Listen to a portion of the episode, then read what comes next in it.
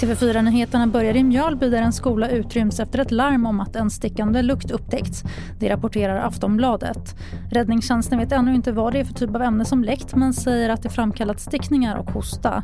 Sex enheter är på plats och en person har fått köras till sjukhus men skadeläget ska inte vara allvarligt.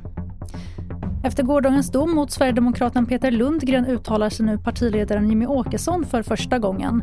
Lundgren dömdes av Göta hovrätt för sexuellt ofredande. Till Sveriges Radio Ekot säger Jimmy Åkesson att det är problematiskt och att det nu diskuteras hur partiet ska hantera ärendet och förhålla sig till domen. Och vi avslutar med Ikeas senaste miljösatsning. Senast 2028 ska plasten bort från möbelbutikens förpackningar med vissa undantag. Ikea gör varje år av med 55 000 ton plast för sina förpackningar men om sex år så ska alltså så gott som all plast vara borta. Fler nyheter hittar du på tv4.se. Mitt namn är Tannas Edalat.